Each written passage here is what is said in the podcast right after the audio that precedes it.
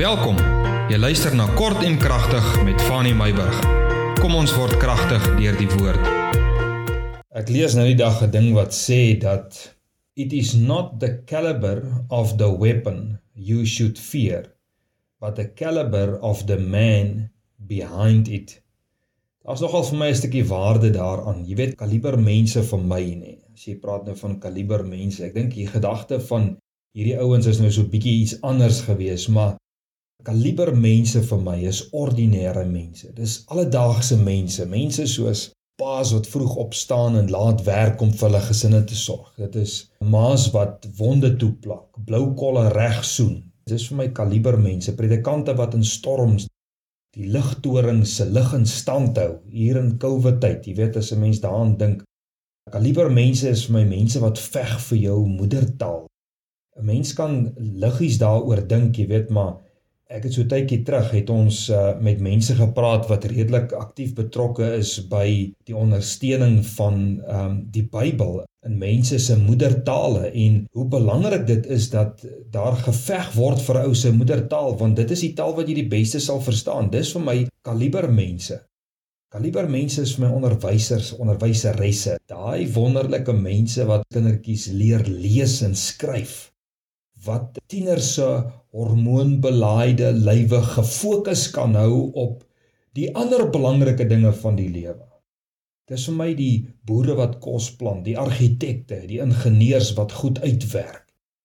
Planne maak sodat ander goed beter kan werk. Nou ek wil nou nie mense uitlaat nie, so ek gaan nou eers ophou om name te noem van beroepe en so aan. Kaliber mense is ook nie vir my so seer mense wat deur geleerdheid uh dinge bekom het in die lewe of omdat hulle blootstelling gehad het aan sekere dinge nie. Want almal het nie die voorregte van byvoorbeeld verdere geleerdheid nie of om hierdie geweldige blootstelling en wêreldkennis op te doen nie. Dit is nie vir my so seer 'n kaliber mens nie alhoewel jy tog 'n kaliber mens word deur daardie dinge.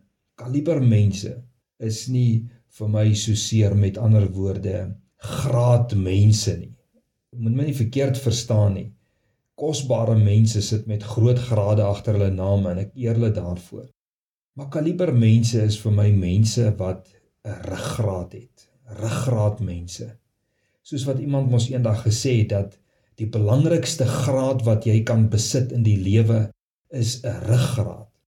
Dit is die ouens wat goed doen in die lewe wat onthou word, nie so seer erken word nie, maar dinge doen wat onthou word in die nageslagte. Dis die ouens wat hierdie bru nog laat staan waaroor ons ry wat soveel jare terug gebou is. Op daardie oomblik was daar dalk nie so seer die erkenning nie, maar vandag pluk ons die vrugte. Ons het en kyk net nou net so die begin van 'n verhaal hoe die Antarktika geontdek was. Jy weet hoe die ouens met honde en slee die Antarktika geontdek het. Jy weet wat 'n geweldige werk hulle gedoen het. Dis die ouens wat geweet het waartoe hulle gaan nie. Hulle het net op hierdie ys beland en hulle het besluit hulle gaan verder gaan om te gaan sien hoe lyk dit en waar lê die grense en hoe loop die kontoure en daai tipe dinge as dit nou die regte woord is. Hierdie is die is die kaliber mense. Vir die oomblik en van hulle het hulle lewe daarvoor verloor. Vir die oomblik het hulle nie erkenning gekry nie maar vir dit wat hulle opgeoffer het in die lewe is hulle en word hulle vandag nog onthou. In 'n kaliber mense hand kan jy enige wapen of dan nou 'n uitdaging sit en hy of sy kan dit gebruik of die probleem oplos Jy weet, as kinders van die Here het ons in Jesus 'n voorbeeld van hierdie gedagte. 'n Kaliber mens. En ek sê hierdie mens met gesag en respek en met hoofletters. In Jesus het ons so 'n voorbeeld.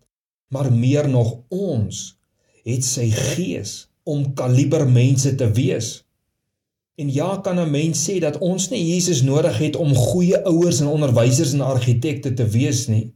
Want daar is baie goeie mense, kaliber mense in die wêreld wat Jesus glad nie ken nie. En tog is dit die waarheid, nê? Maar wat beteken dit om 'n ambassadeur vir God te wees? 'n verteenwoordiger, 'n boodskapper van Jesus op aarde. Dit is die kruks van die saak vir die kind van die Here. Om die hemel op aarde te verteenwoordig, om 'n boodskap van die hemel aarde toe te bring, om hemelse beginsels deur jou beroep of deur jou besigheid te implementeer, om dit na te volg en om dit te promoveer.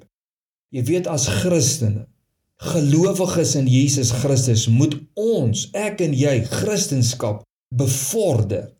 En watter beter plek en geleentheid het ons nie om dit te doen en dit deur ons beroep nie.